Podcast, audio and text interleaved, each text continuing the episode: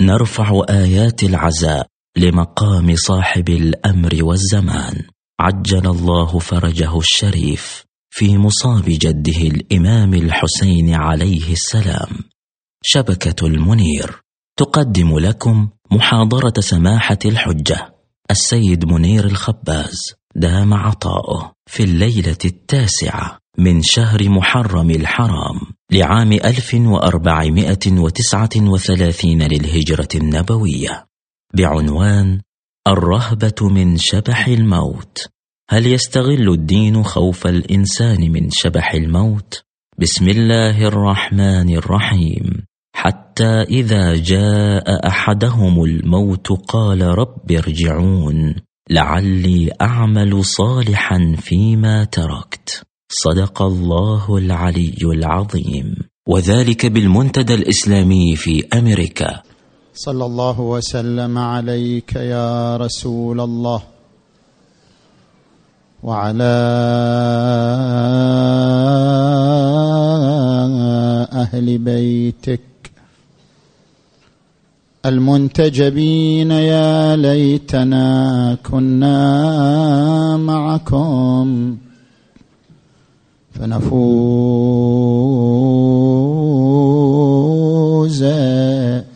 فوزا عظيما.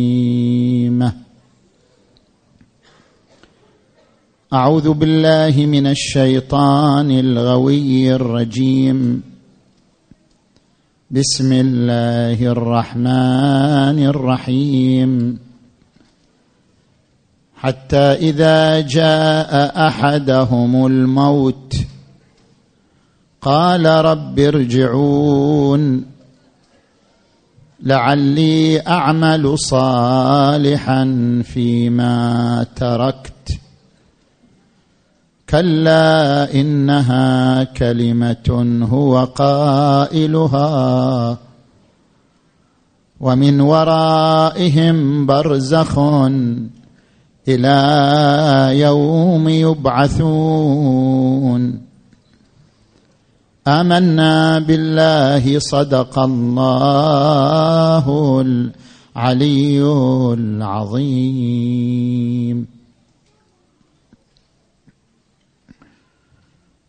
حديثنا انطلاقا من الآية المباركة. حول الحياة بعد الموت.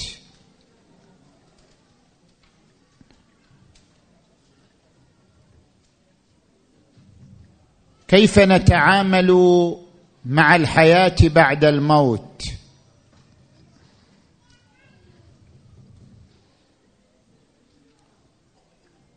دوكنز في كتابه وهم الإله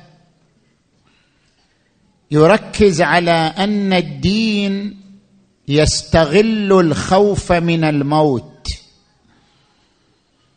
الدين يستغل عقدة الخوف من الموت ليبني عليها فاعليته وتأثيره. كأن الموت ليس له براهين ولا أدلة. كأن الدين ليس له براهين ولا أدلة. ليس له إلا أن يتكئ على الخوف من الموت حتى يبقى في النفوس وحتى يبقى في القلوب. يذكر دوكنز ثلاث نظرات من أجل أن يثبت رأيه. وهو أن الدين يستغل عقدة الخوف من الموت. النظرة الأولى يذكر في صفحة يذكر في صفحة 263 أن أكثر الناس خوفا من الموت هم المتدينون. وهذا يدل على أن منشأ الخوف من الموت هو الدين. وأن الإنسان لو تجرد من الدين لم يكن خائفا من الموت. الدين يزرع الخوف من الموت حتى يستثمر هذا الخوف في ترهيب الناس وفي وضع قوانينه وأوامره ونواهيه.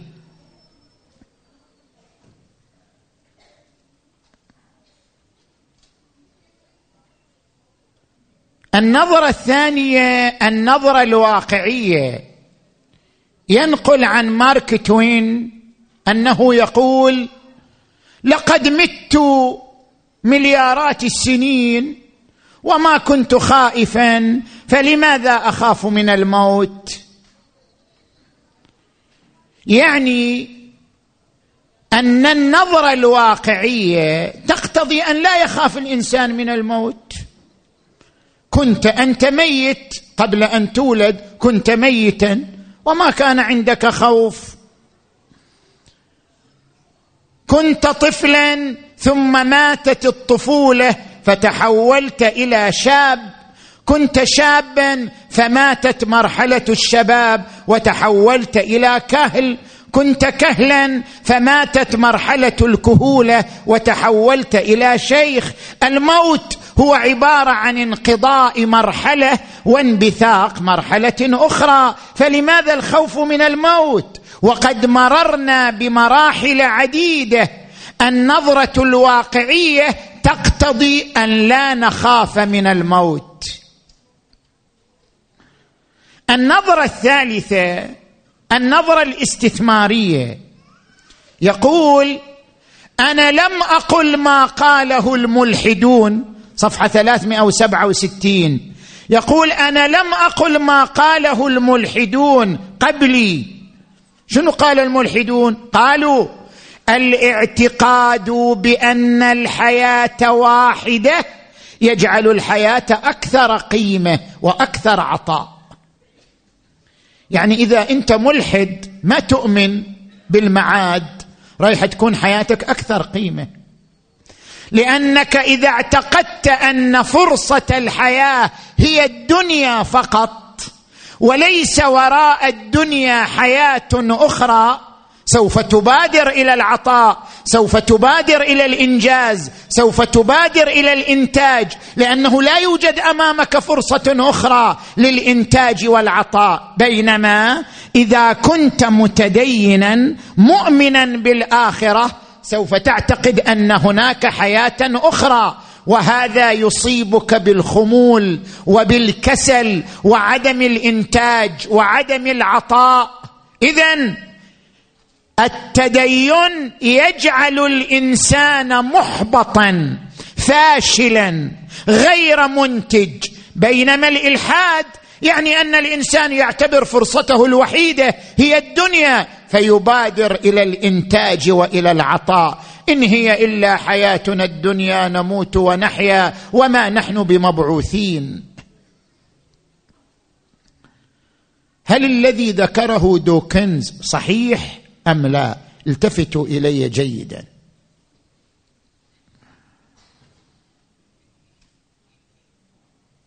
المدرسة الدينية تقرر أن الحياة بعد الموت أمر واقع وأن الخوف منها أمر طبيعي وأن الدين لا يحتاج أن يستثمر الخوف من الموت وأن الموت قد يكون سعادة وشرفا. لذلك أتكلم من محاور ثلاثة في تحديد نظرة الدين للموت ولما بعد الموت. المحور الأول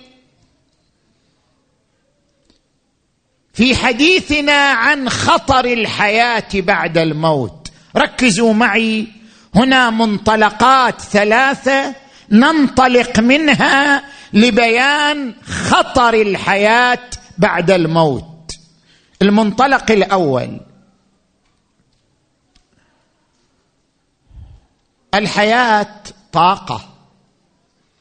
والروح طاقة. والطاقة لا تفنى. فلا بد أن تبقى بعد موت الجسد. كيف؟ خل أشرح لك هذه النقطة. نقطة علمية مهمة.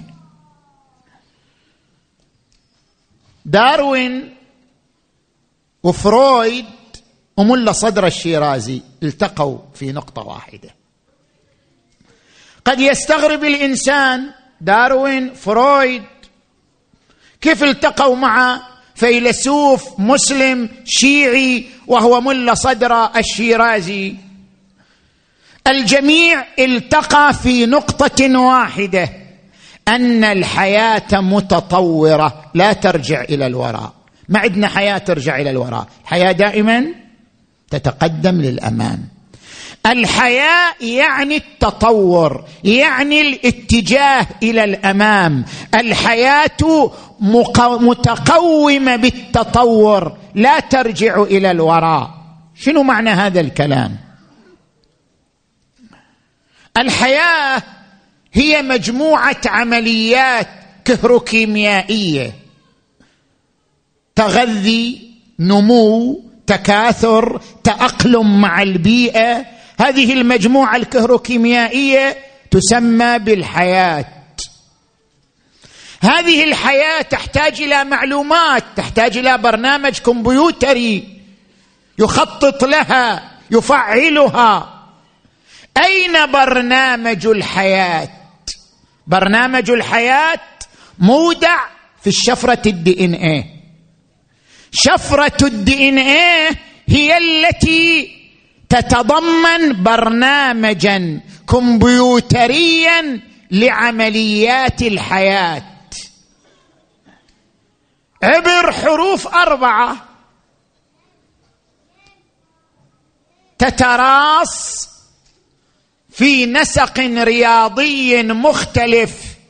هذه الحروف الأربعة يرمز إليها A T C G هذه الحروف الأربعة هي أربع تركيبات كيميائية.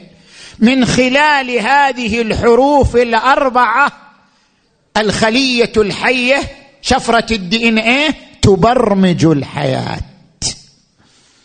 تقوم بإعداد معلومات الحياة معلومات لبناء البروتينات معلومات لتوجيه عمل الخلية الحية. معلومات لتمرير الصفات عبر الأجيال. هذه الحياة يعني الحياة شنو؟ يعني الحياة طاقة.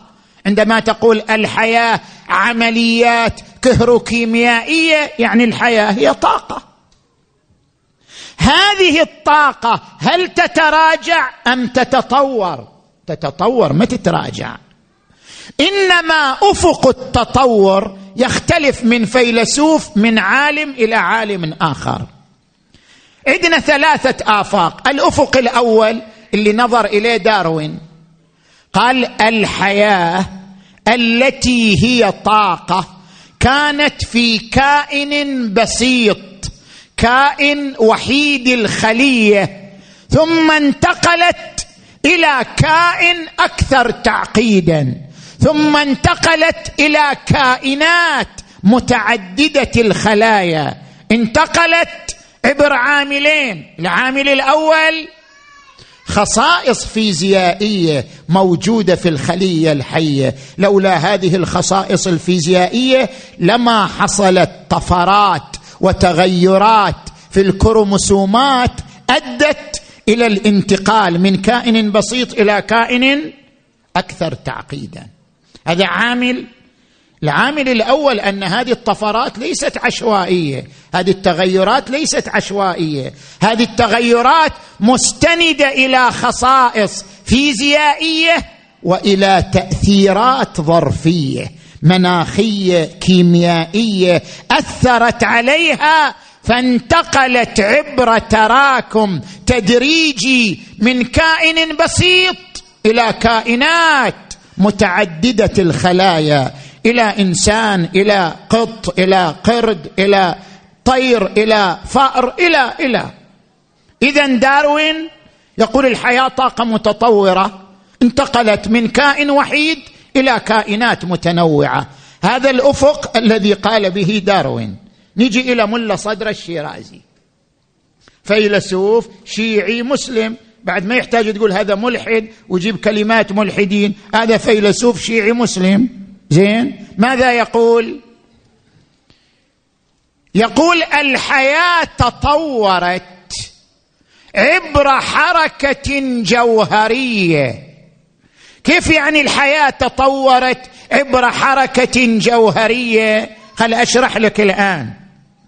الحويمن المنوي عندما يلتصق بجدار الرحم. هذا الحويمن المنوي عندما يلتصق بجدار الرحم هو يحمل خلية حية. هذا الحويمن يحمل طاقة. طاقة مودعة في هذا الحويمن المنوي. هذه الطاقة تطورت. شلون يعني تطورت؟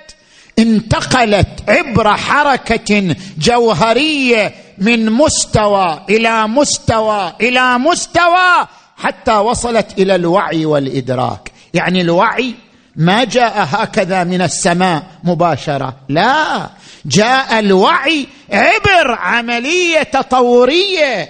جاء العقل عبر عملية تطورية. الحويمن المنوي تطور. لما يمتلك من خصائص ومقومات أصبح في مستوى الحياة النباتية يعني نمو وتغذي. ثم تطور إلى مستوى أعلى مستوى الحياة الحيوانية يعني شعور وإحساس. ثم تطور إلى مستوى أعلى يعني الحياة الإنسانية وصل إلى مستوى العقل والوعي. فاذا العقل والوعي ما جاء هكذا هبة من السماء جاء عبر عمليه تطوريه من حويم منوي إلى عقل ووعي. شو يريد يقول ملا صدرة؟ وهو فيلسوف مسلم شيعي. يقول ها يقول أنا أختلف عن ديكارت. ديكارت ونظرية الفلاسفة القدامى يقولوا الإنسان ثنائي. ثنائي يعني عنده جسم وروح الجسم غير الروح. الجسم له أبعاد. طول عرض عمق. بينما الروح ما إليها أبعاد. تقدر تقول أنا أنا يعني روحي إليها طول وعرض وعمق لا. الجسم له أبعاد ثلاثة. الروح ليس لها أبعاد ثلاثة. اذا الروح غير الجسم. اذا الإنسان ثنائي. جسم وروح. هكذا يقول ديكارت. ملا صدره يقول لا الروح لون من ألوان المادة شكل من أشكال المادة صورة من صور المادة المادة الحية تطورت كانت حويم منوي أصبحت روح. المادة الخلية تطورت. كانت حويم منوي أصبحت عقل أصبحت وعي. فالروح والوعي والعقل هو لون من ألوان المادة شكل من أشكال المادة. وعبر عنه بالحركة الجوهرية. وهذا فيلسوف شيعي عاش قبل مئتين سنة في قم المقدسة حرم آل محمد.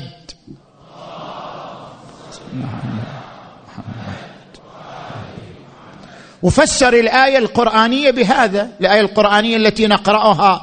لقد خلقنا الإنسان من سلالة من طين ثم جعلناه نطفة في قرار مكين ثم خلقنا النطفة علقة فخلقنا العلقة مضغة فخلقنا المضغة عظاما فكسونا العظام لحما ثم كل يقول هذا كله تطور تطور تطور ثم أنشأناه خلقا آخر. شنو الخلق الآخر؟ يعني العقل والوعي. فتبارك الله. أحسن الخالقين. زين. هذا كلام ملا صدره نجي إلى كلام فرويد رائد مدرسة التحليل المدرسة التحليلية في علم النفس. ماذا يقول فرويد؟ يقول أنا أيضا أقول الحياة طاقة تتطور. كيف تطورت؟ تطور العقل والوعي من وعي ظاهر إلى وعي باطن. العقل هذا عقلك أيضا تطور. عقلك تطور من عقل ظاهر إلى عقل باطن.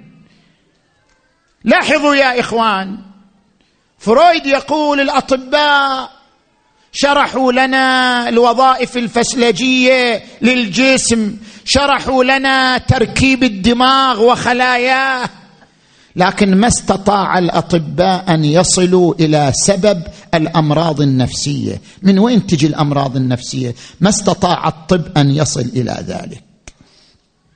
لا يمكن معرفة الأمراض النفسية إلا إذا عرفنا الجذور لهذه الأمراض. ولا يمكن معرفة جذور الأمراض النفسية إلا إذا عرفنا أن وراء العقل الظاهر عقلا باطن. ذاك العقل الباطن فيه جذور فيه عقد فيه ميول. هي منشا الامراض النفسية. اذا الحياة العقلية تطورت كما يقول ملا صدرا لكن تطورت من عقل ظاهر إلى عقل باطن. اذا الثلاثة العلماء متفقين داروين ملا صدرا وفرويد على أن الحياة طاقة متطورة. إنما كل واحد يتحدث عن أفق من آفاق التطور. وإلا الجميع متفق على نقطة واحدة. الحياة طاقة متطورة. طيب إحنا شنو نستنتج من هذا الكلام؟ شنو نريد نقول؟ التفت لي جيدا. بما أن الحياة طاقة إذا الروح لنسميها روح هي طاقة. الروح طاقة متطورة. بما أن الروح طاقة. القانون الفيزيائي ماذا يقول؟ الطاقة الطاقة لا تفنى. اذا الروح لا تفنى. الروح ما تموت. لا تفكر أنك أنت مت. لا ما مت. الموت للبدن الموت للجسم الروح لا تموت. الروح طاقة متطورة والطاقة لا تفنى. اذا روحك يموت الجسد تتحول إلى صورة أخرى تتحول إلى شكل آخر وتعيش مليارات السنين ولن تفنى ولن تموت. لذلك القرآن الكريم يقول حتى إذا جاء أحدهم الموت قال رب ارجعون لعلي أعمل صالحا فيما تركت. كلا إنها كلمة هو قائلها ومن ورائهم في حياة في استمرار ومن ورائهم برزخ إلى يوم يبعثون. فاذا المنطلق الأول أثبتنا فيه أن الروح باقية وأن هناك حياة بعد الموت تتمتع بها الروح لأن الروح طاقة متطورة والطاقة لا تفنى. طيب نجي للمنطلق الثاني. ركز معي جيدا. المنطلق الثاني هل الحياة هادفة أو بلا هدف؟ هل جاءت الحياة بدون تصميم ولا هدف؟ أم أن الحياة جاءت مصممة هادفة؟ نحن طبعا المدرسة الدينية نعتقد أن الحياة جاءت مصممة هادفة. أنا تحدثت في الليلة الثانية من ليالي موسم محرم هذا العام في الكويت عن التصميم والهدفية لهذه الحياة. تصميم والهدفية. الكون قائم على ستة ثوابت رياضية. شوف هالكون العظيم قائم على ستة ثوابت رياضية. لا تزيد ولا تنقص. هذا يعني أكو تصميم. الثابت الكوني هذا مصطلح فيزيائي الثابت الكوني. شنو معنى الثابت الكوني؟ لدينا قوتان. قوة الجاذبية وقوة مضاده للقوة الجاذبية. هذه القوة وهذه القوة بينهما توازن بحد رياضي دقيق. لا يسمح بالتغير لا بالزيادة ولا بالنقص ولا بنسبة عشرة السالب 122 حتى بهذا المقدار لا يسمح بالتغير. جدا حد رياضي دقيق توازن بين القوتين. أليس هذا التوازن بهذا الحد الرياضي الدقيق يكشف عن شنو؟ تصميم وهدفية صنع الكون بهذه الدقة الرياضية. من أجل ماذا؟ من أجل هدف. وما خلقنا السماوات والأرض وما بينهما باطلا ما خلقناهما إلا بالحق. نفس الحياة شوف الحياة الآن إحنا شرحنا معنى الحياة. نفس الحياة عندما ندرسها دراسة بيولوجية نجد أن الحياة هادفة. عندما تقول الحياة يعني التكاثر يعني التغذية يعني النمو يعني التأقلم مع البيئة. كأنك قلت الحياة صممت لتبقى.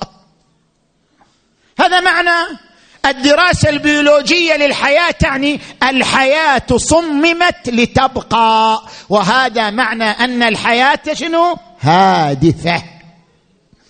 طيب إذا الحياة هادفة فهل من الهدف أن نعيش حياة واحدة؟ هل تتحقق الأهداف بأن نعيش حياة واحدة وهي حياة الدنيا؟ ابدا. لو اقتصرت الحياة على الحياة الدنيا لكانت الحياة عبثا بلا هدف. لماذا؟ مليارات البشر مو مليون مليارات البشر من يوم آدم إلى الآن عاشوا مساكين. مليارات البشر عاشوا مظلومين. مليارات البشر عاشوا مضطهدين. مليارات البشر عاشوا بلا أمنيات بلا طموح. هؤلاء المليارات من البشر لو لم يعيشوا مرة أخرى لو لم يحيوا حياة أخرى لكان وجودهم شنو؟ عبثا. طيب مليارات من البشر توجد وتموت وهم مظلومون وهم مضطهدون وهم محرومون. عاشوا المر والسقم والفقر والمظلومية.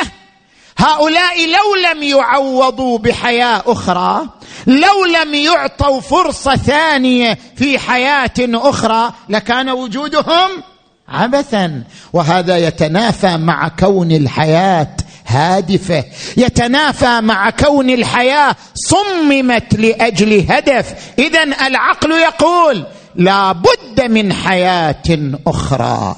تعيش فيها هذه المليارات من البشر فرصة ثانية تحقق فيها أمنياتها وثمراتها. لذلك يقول القرآن الكريم أفحسبتم أنما خلقناكم عبثا؟ ما عندنا عبث إحنا. إحنا نضمن إليكم حياة أخرى. نعوضكم بحياة أخرى. أفحسبتم أنما خلقناكم عبثا؟ وأنكم إلينا لا ترجعون. اذا هذا المنطلق الثاني يثبت لنا أن في فعلا حياة بعد الموت. زين. نجي إلى المنطلق الثالث. المنطلق الثالث يا إخوان أن الحدث لا ينمحي ولا يندثر. شلون الحدث؟ يعني الآن أنت جلوسك هذا في المأتم خلصت. طول الخطيب. سيد منير طول الخطاب. طول الخطيب خلصت رجعت إلى البيت. هذا الحدث وهو جلوسك في المأتم ساعة كاملة هل ينمحي؟ لا ما ينمحي يبقى. ما يندثر. يبقى في نقطة من الزمن لا ينمحي. شنو معنى هذا الكلام؟ أشرح لك الآن نسبية الزمن عند إينشتاين بشكل مختصر. نظرية إينشتاين تقتضي أن الحدث يتموضع. يعني شنو يتموضع؟ يعني الحدث لا يندثر يبقى في نقطة زمنية لا ينمحي ولا يندثر. كيف؟ الكون كون نيوتن غير كون إينشتاين. اثنين هم متفقين اينشتاين ونيوتن على أن الزمكان الكون إلى أبعاد أربعة طول وعرض وارتفاع وزمن. الزمن بعد رابع. اثنين هم متفقين على هذا. زين. إنما هل الزمن بعد متحرك أو بعد ثابت؟ نيوتن يقول الزمن بعد متحرك. إينشتاين يقول الزمن بعد ثابت. الزمن بعد ثابت نسبي. كيف يعني بعد ثابت نسبي؟ نيوتن يتحدث مثل ما إحنا نشوف. إحنا شنو نشوف؟ إحنا نشوف الزمن شنو؟ متحرك. أحد يشوف الزمن ثابت؟ لا شوف الزمن متحرك.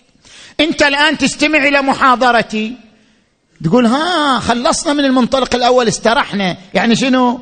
يعني راح. جزء.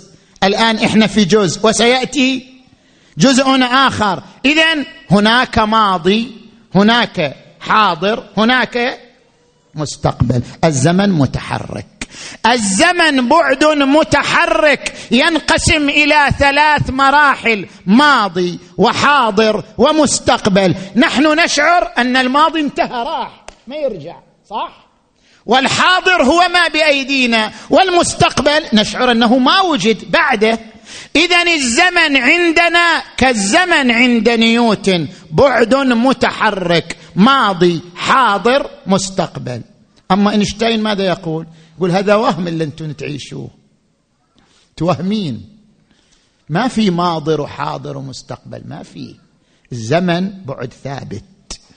يعني هذه المحاضرة اللي إحنا نشوفها إليها ماضي وحاضر ومستقبل هي موجودة دفعة واحدة وليست متدرجة ليس لها ماضي وحاضر ومستقبل. شلون شنو المعنى هذا؟ خل أشرح لك الآن أضرب لك مثالين بالمثالين يتضح لك. لو كنا نشاهد فيلما سينمائيا كلنا قاعدين نشاهد فيلم سينمائي نحن نرى الفيلم بصورة والمهندس اللي جالس في الغرفة يرى الفيلم بصورة ثانية. نحن كيف نرى الفيلم؟ نرى الفيلم متحرك صح؟ فصل يمضي فصل حاضر فصل يأتي. نرى الفيلم متحرك. نقول ما مضى؟ بعد ما يرجع.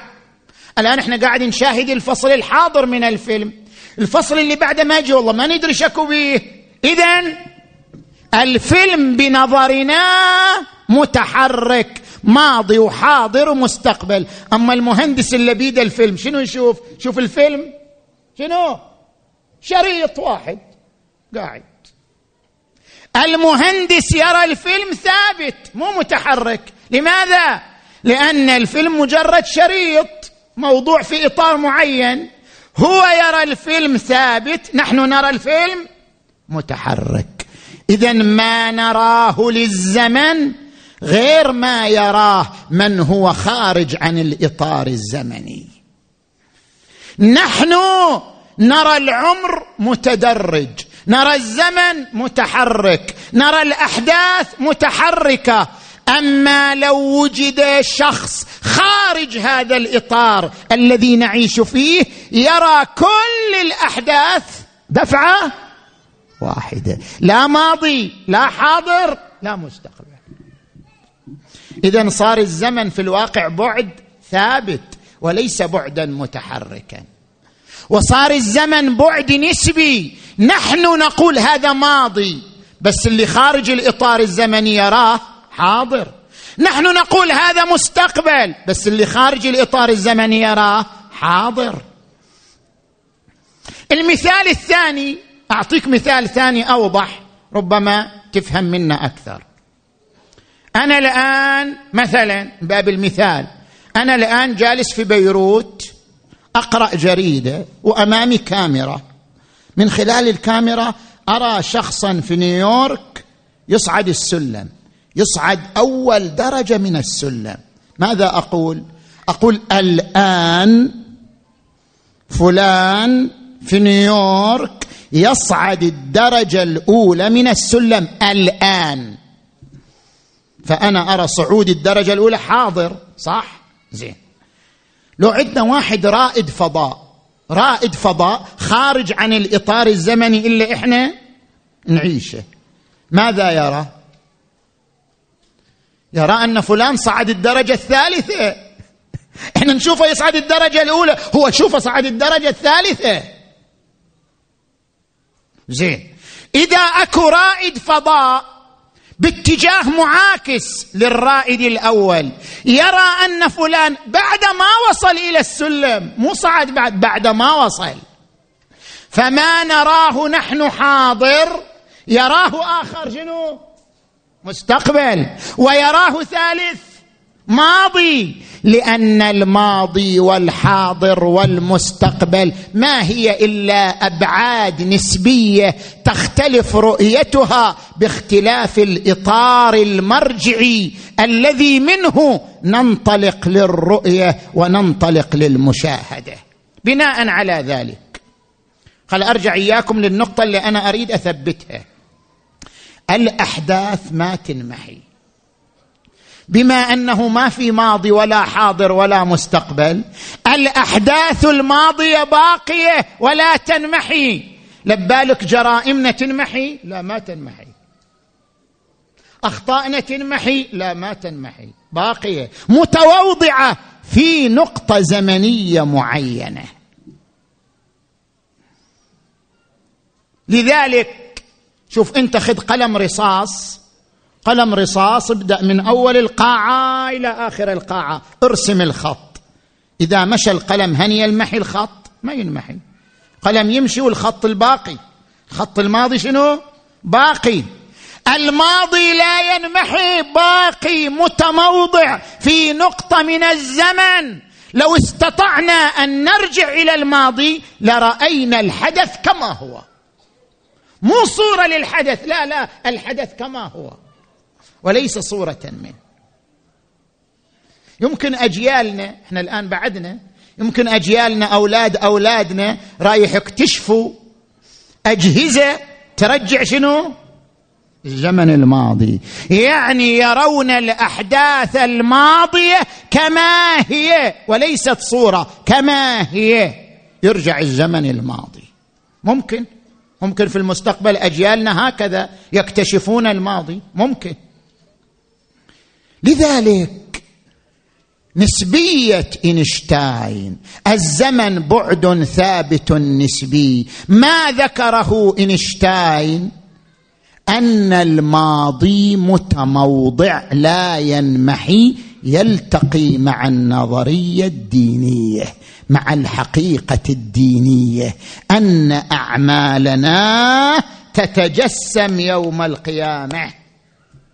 ما تنمحي هذا الذي يقوله إينشتاين الماضي لا يندثر يلتقي مع الحقيقة الدينية القائلة أعمالنا تتجسم يوم القيامة ولا تنمحي ولا تندثر. واحد يقول طيب هالأحداث كلها من قبل ثلاثمائة وخمسين ألف سنة الإنسان يعيش على الأرض. هالأحداث كلها ما, ما امتلأت الأرض يعني. حتى يبقى الأحداث. الكون ما امتلأ حتى تبقى الأحداث. لا الكون يتمدد. في كل لحظة الكون يتمدد بسرعة الضوء. في كل لحظة تمر الكون يتمدد فهو يتسع. كل الأحداث يتسع لها الكون. ماكو حدث ينمحي ابدا. كل حدث يبقى. والكون يمتد بسرعة الضوء في كل لحظة. الأعمال باقية. لذلك القرآن الكريم يؤكد على هذه الحقيقة. أعمالنا باقية ونراها بنفسها لا بصورتها نراها كما هي. القرآن الكريم يقول يوم تجد كل نفس ما عملت من خير محضرا. شوفها أمامه. من يعمل مثقال ذرة خيرا يراه ومن يعمل مثقال ذرة شرا يراه. نفس العمل يراه مو صورة هو العمل يراه. القرآن الكريم يقرر هذا إنما تجزون ما كنتم تعملون. اذا يا دوكنز طيب هذه حقائق علمية. حقائق علمية تقول الروح طاقة لا تفنى. فكيف تنتهي الحياة بالموت؟ حقائق علمية تقول الأحداث تبقى ولا تندثر. فكيف تنتهي الحياة بالموت؟ هذه الأعمال نراها تتجسد أمامنا كما هي نراها. في حياة أخرى وفي يوم آخر. الذي نقول فيه يا ليتني قدمت لحياتي. بناء على هذه المنطلقات الثلاثة يا إخوان تبين لنا أن هناك حياة بعد الموت وأنها حياة خطيرة. فكيف لا يحصل لنا خوف من الموت ومن ما بعد الموت؟ الخوف من الموت الخوف من الحياة بعد الموت أمر طبيعي أمر فطري أمر جبلي. إذا أدركنا خطر الحياة بعد الموت اذا الدين ما يحتاج يستغل الخوف أصلا الخوف موجود.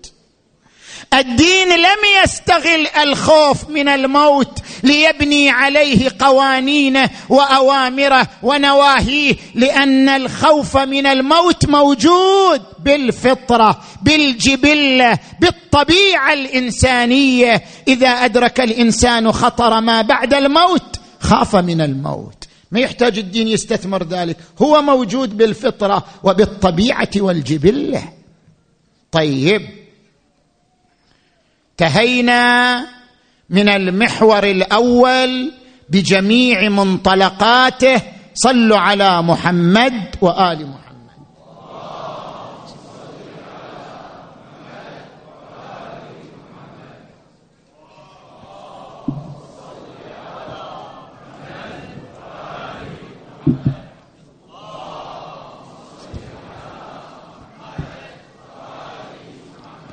نجي إلى المحور الثاني يا إخوان.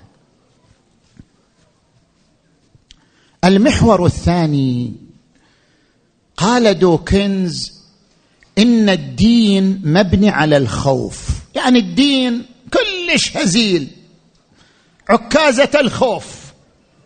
الدين بنى نفسه على عكازه مهلهلة وهي شنو؟ الخوف من الموت.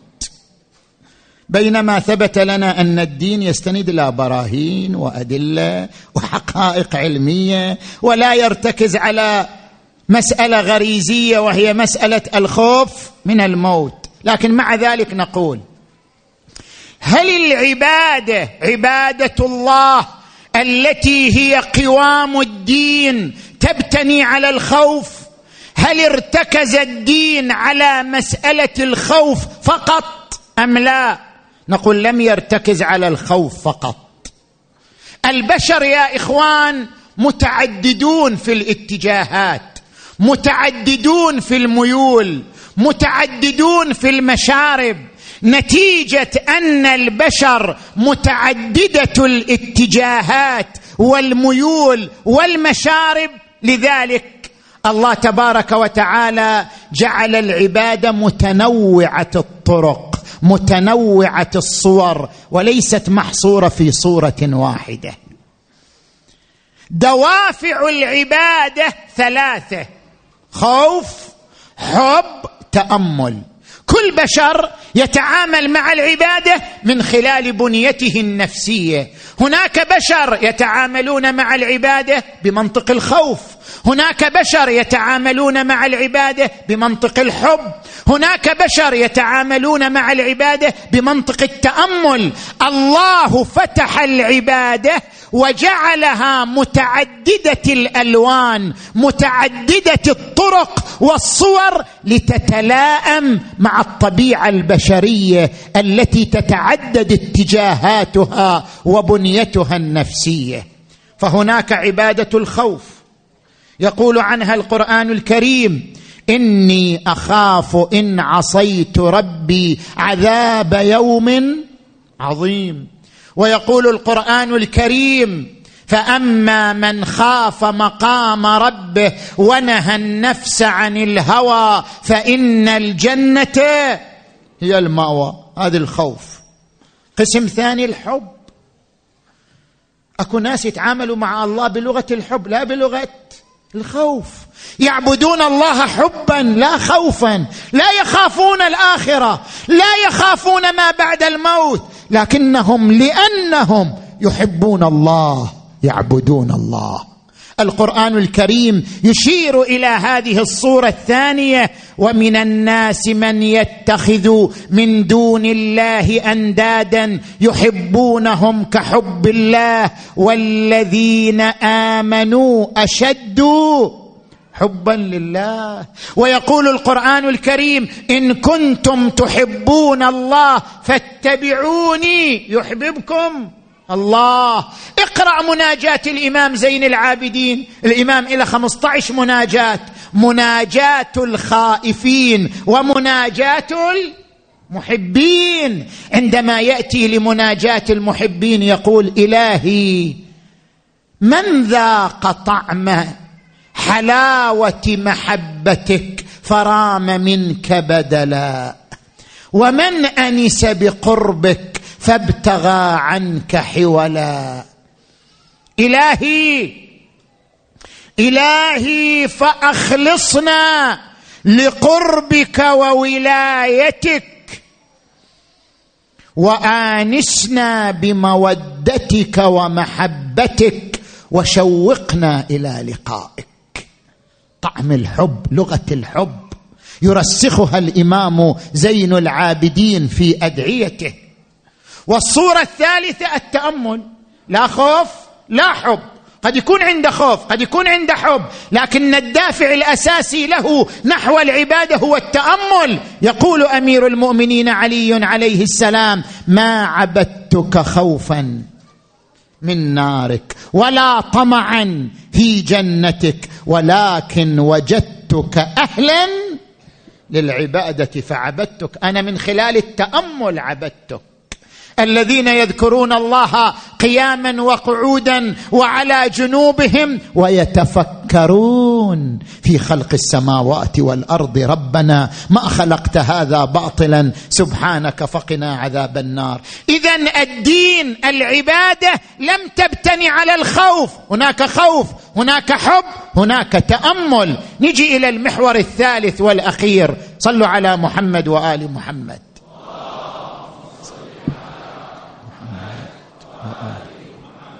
هل صحيح ما ذكره دوكنز من أن الملحد أكثر إنتاج من المتدين؟ لأن الملحد يرى أن الفرصة واحدة هي الحياة الدنيا فيبادر إلى الإنجاز حتى يستغل الفرصة. بينما المتدين يعتقد أن في فرصة ثانية فيكسل ويخمل أو يصاب بالإحباط. هل هذا صحيح أم لا؟ التفت إلي جيدا. نقول ابدا المدرسة الدينية هي مدرسة العمل هي مدرسة الإنجاز هي مدرسة العطاء. لماذا؟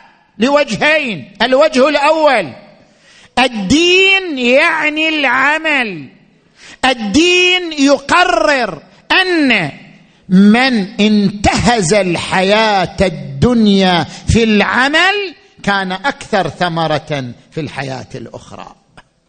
الحياة الدنيا مو حياة كسل ولا فشل ولا بطالة ولا تعطيل. كلما كنت أكثر إنجاز كنت أكثر ثمرة في الحياة الأخرى. كلما أعطيت أكثر كلما أبدعت أكثر كلما أنفقت أكثر كنت أكثر حصادا وأكثر ربحا في الحياة الآخرة. ولذلك يقول القرآن وأن ليس للإنسان إلا ما سعى وأن سعيه سوف يرى. ويقول القرآن الكريم وقل اعملوا. عملكم سترون حصاده. وقل اعملوا فسيرى الله عملكم ورسوله والمؤمنون. ويقول القرآن الكريم الذي خلق الموت والحياة ليبلوكم أيكم أحسن عملا. عمل. الحياة الدنيا ليست دار كسل الحياة الدنيا دار عمل. كلما عملت ازددت ربحا كلما أعطيت ازددت نتاجا. اذا الدين يبعث نحو العمل والعطاء وليس نحو الخمول. لاحظوا الإمام علي يمدح الدنيا. كثير من الناس يظن أن الإمام علي ما عنده إلا الذم للدنيا دائما يذم الدنيا. لا الإمام علي يمدح الدنيا. كيف يمدح الدنيا؟ يقول الدنيا دار غنى لمن زود منها ودار موعظة لمن اتعظ فيها. مسجد أحباء الله محل ملائكة الله مهبط وحي الله متجر أولياء الله اكتسبوا فيها الرحمة وربحوا منها الجنة.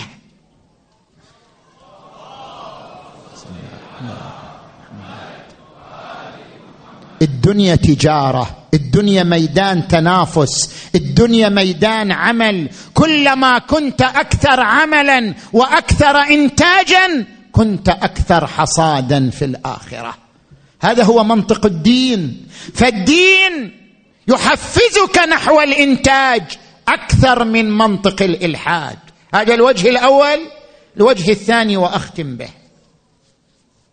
الدين لا يخوفنا من الموت ولا يرتكز على الخوف من الموت بل بالعكس الدين يعتبر أن بعض الموت سعادة وشرف إذا كان الموت دون المبادئ ودون القيم. كيف يقال بأن الدين يستغل الخوف من الموت والدين نفسه. يؤكد على أن الموت سعادة أن الموت شرف أن الموت حياة. إذا كان الموت دون المبادئ ودون القيم.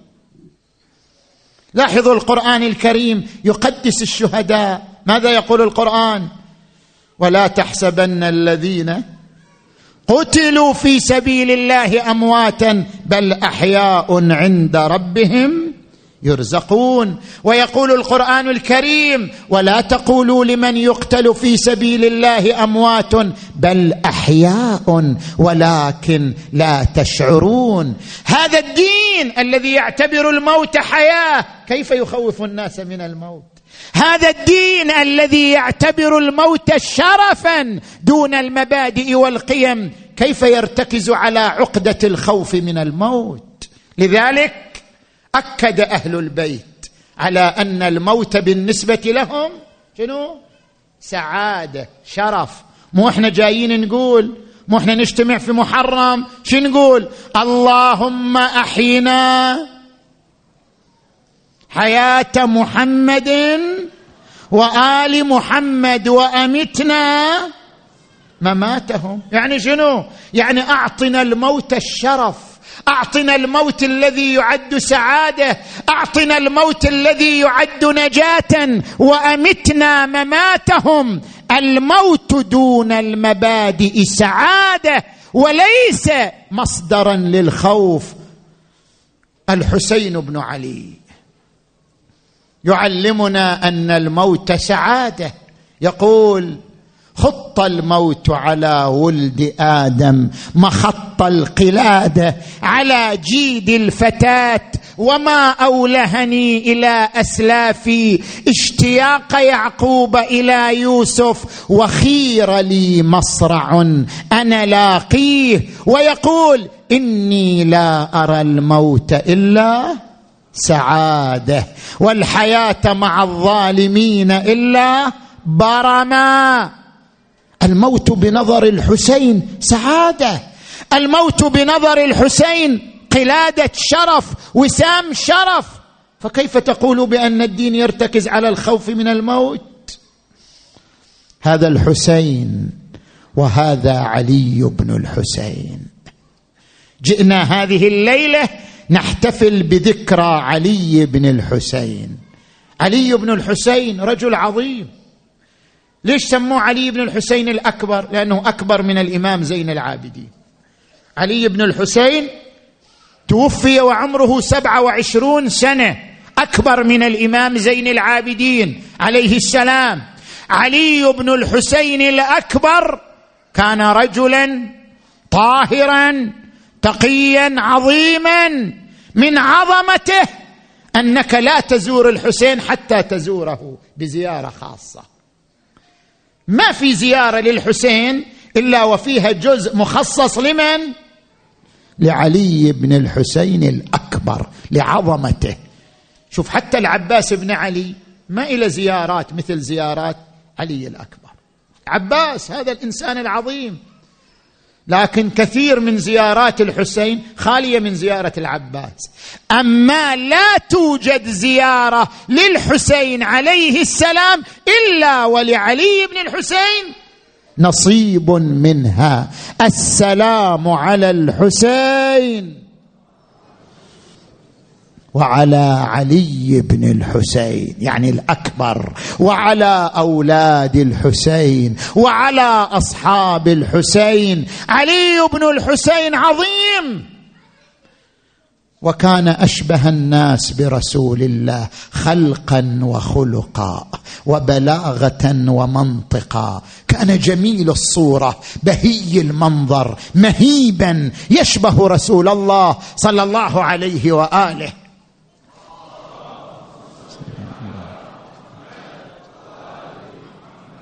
يقولون جاء نصراني بعدما أسلم جاء إلى المدينة. قال أريد أن أرى رسول الله. وأنا أسلمت أريد أشوف النبي. قالوا النبي توفي منذ مزى منذ زمن طويل. قال أريد أن أرى وجهه. أنا آمنت لأنني أريد أن أرى تلك الصورة البهية الجميلة التي سمعت عنها. قالوا النبي توفي. قال ألا يوجد رجل يشبهه قالوا بلى. عند الحسين بن علي ولد يشبه رسول الله خلقا وخلقا. أقبل إلى الحسين. دخل بيت الحسين. قال يا أبا عبد الله أريد أن أرى شبيه رسول الله. أريد أن أرى مثال رسول الله.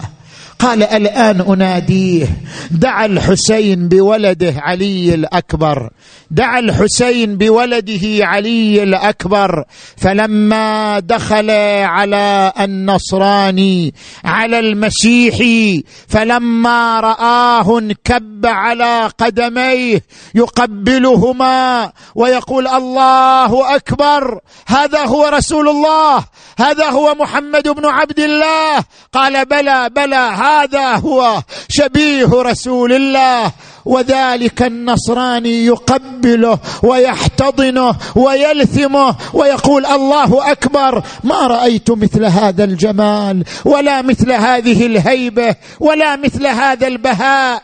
التفت إليه الحسين قال يا اخا النصارى لو كان لك ولد مثل هذا ماذا تصنع به؟ قال والله لا أدعه يمشي على وجه الأرض. أخاف عليه حتى من الريح أخاف عليه حتى من الحشرات قال يا أخ النصارى كيف لو أصابته شوكة وآلمته وصار يتألم ويبكي بين يديك؟ ماذا تصنع؟ قال أفديه بروحي. قال يا أخ النصارى فكيف حال أبيه إذا رآه مقطعا اربا اربا؟ سعد الله قلب أبي عبد الله. الإمام الحسين ماشي إلى كربلاء يخفق خفقه يجلس من الخفقه يقول إنا لله وإنا إليه راجعون. سمعت هاتفا يقول القوم يسيرون والمنايا تسير من ورائهم. التفت إليه ولده الشباب علي الأكبر شوف الموت عند هؤلاء الشباب شوف الموت عند هذا الإنسان. قال له ابه أولسنا على الحق؟ قال بلى. قال اذا لا نبالي. وقعنا على الموت أم وقع علينا. لا يخيفنا ذلك أبدا. قال جزاك الله خيرا من ولد عن والده. ولما جاء يوم كربلاء أقبل هذا الشباب العظيم.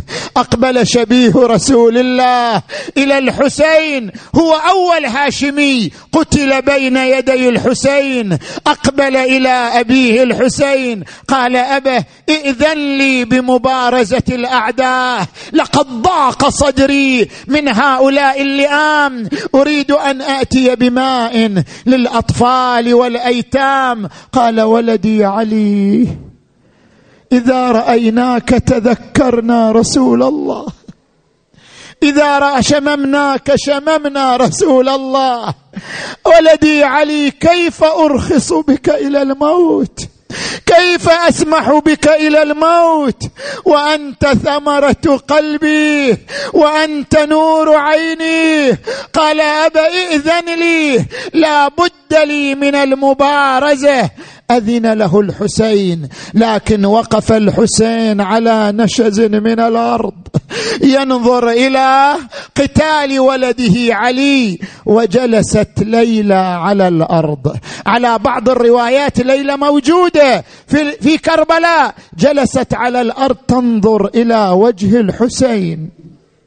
إذا رأت وجه الحسين فرح. فرحت. إذا رأت وجه الحسين انقبض انقبضت بينما هي تنظر إلى وجهه وإذا بوجه الحسين تغير لونه. انقبضت أساريره. قالت أبا عبد الله قطعت نياط قلبي. ما لي أراك تغير لونك. هل أصيب ولدي بسوء؟ قال لها لا يا ليلى ما أصيب بسوء. ولكن برز إليه من يخاف عليه منه. برز إليه بكر بن غانم. قالت ماذا أصنع يا أبا عبد الله؟ قال لقد سمعت ممن سمع عن رسول الله. دعاء الأمهات في حق أولادهن مستجاب. ليلى ادخلي خيمتك وادعي ربك بسلامة ولدك.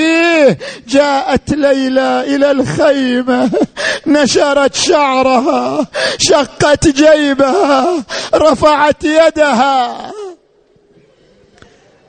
دخلت الخيمة النجيبة وتوسلت لله بحبيبة.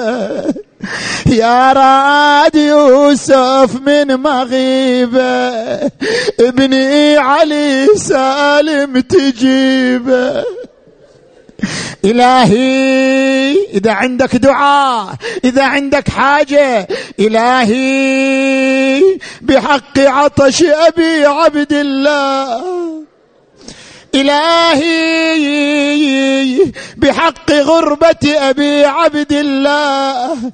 إلهي بحق وحدة أبي عبد الله. يا راد يوسف على يعقوب رد علي ولدي علي.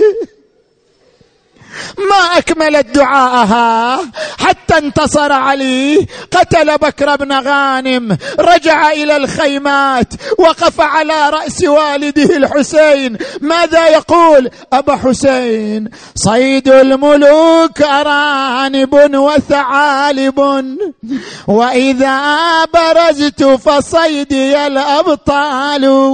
ماذا تريد يا ولدي؟ قال له يا ابويا قطرة ماي لكبدي أنا عطشان. الشباب عطشان. يا ابويا قطرة ماي لكبدي أتقوى وارد للميدان وحدي. يا ابو يا انفطر قلبي حق جدي. عطش والشمس والميدان والحر. شي جاوب الحسين؟ شي يقول للحسين يقول له منين أجيب الماء يا ابني؟ حسينا. يقول له منين أجيب الماء يا ابني؟ ما هو حاجيك بوها ضحالي وشعبني. بني علي أنت عطشان وأنا عطشان هذا لساني كالخشبة اليابسة. اصبر حتى تلقى جدك رسول الله فيسقيك شربة من الماء لا تظمأ بعدها أبدا. عظم الله أجوركم. أراد الرجوع إلى المعركة. قال قف قليلا حتى تودعك أمك ليلى. بني علي ادخل على أمك ليلى. دخل على أمه ليلى وكانت مغشيا عليها. جلس عندها أفاقت من غشوتها. فإذا بها تقول كأني أشم رائحة ولدي علي. قال بلى بلى أمة أنا ولدك علي. ضمته إلى صدرها. وإذا بالصوت صوت يقطع القلوب صوت يؤن يحز القلوب وإذا بالصوت أمام الناصر ينصرنا. أما من ذاب يذب عنا. أما من مدافع يدافع عن حريم رسول الله. قال أمه دعيني هذا صوت والدي الحسين.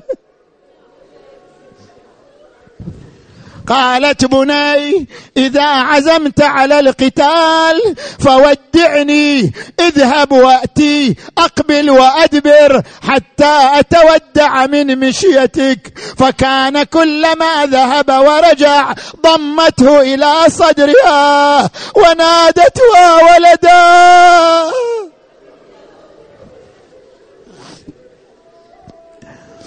عظم الله أجوركم ثم لما أراد البراز قال الحسين توقف قليلا ثم نادى يا سكنة يا ليلى يا رباب يا زينب قمنا وودعنا الشباب فخرجنا النساء من الخيمات هذه تضمه هذه تشمه هذه تقول ارحم غربتنا.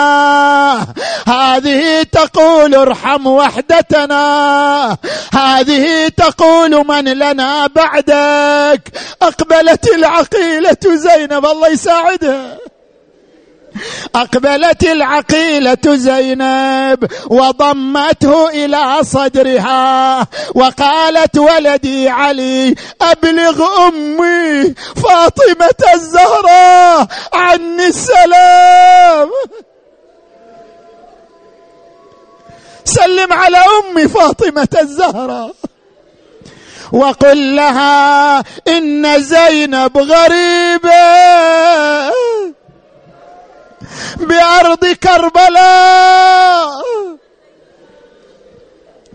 وحسينا وإماما ثم ضمه الحسين إلى صدره الحسين يبكي والأكبر يبكي فلما مشى إلى القتال رفع الحسين شيبته إلى السماء.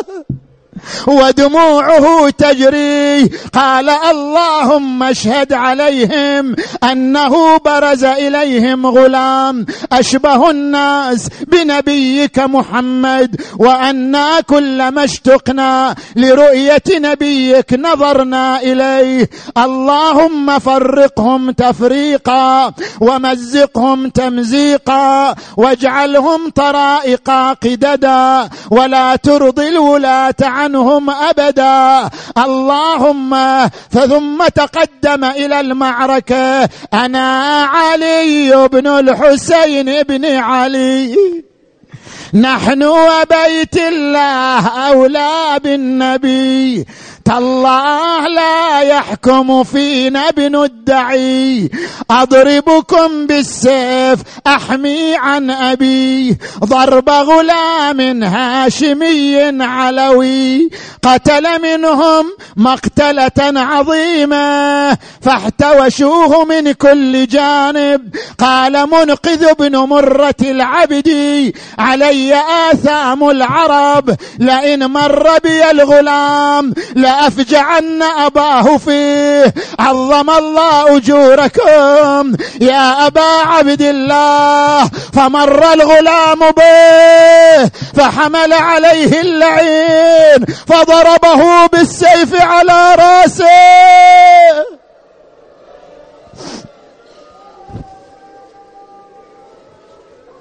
خر يخور في دمه شبك على الفرس وهو يظن أن الفرس ترجعه إلى الخيمة لكن الفرس أخذته إلى الأعداء فاجتمعوا عليه. هذا يضربه بسيفه هذا يطعنه برمحه وهو يقول أبا حسين.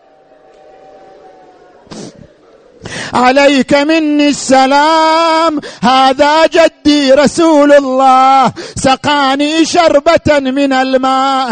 لا أظمأ بعدها أبدا. عظم الله أجوركم. خرج الحسين من الخيمة. كالصقر الغضوب. فرق الأعداء عنه. قتل قاتله. وقف على جسده. وإذا هو مقطع إربا إربا. مخضب بدمائه. فنادى الحسين يا بني هاشم احملوا أخاكم لا طاقة لي بحمله. قاعد ده وشافه مغمض العين. بدم سابح امتر بالخدين متواصل طبر والراس نصين. حنى ظهره على وليده وتحسر. يا ابو يا من يا ابو يا من سمع يمك ونينك. ونينا يا يا ياك ومن شبحت لعند الموت عينك. اي والله ومن شبحت لعند الماء يا يا يا لعند الماء يا يا يا كوكبا ما كان أقصر عمره. وكذا تكون كواكب الأسحار. يا الله. اللهم بحق الحسين وبحق علي بن الحسين وبحق أولاد الحسين وبحق أنصار الحسين.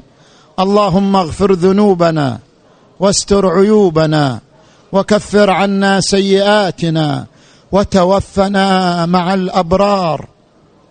اللهم اشف مرضانا ومرضى المؤمنين والمؤمنات واقض حوائجنا وحوائجهم. اللهم احفظ المؤمنين والمؤمنات في كل مكان. اللهم عجل فرج وليك وابن أوليائك واكتب له النصر والظفر واجعلنا من أنصاره وأعوانه. اللهم وفق المؤسسين لما تحب وترضى.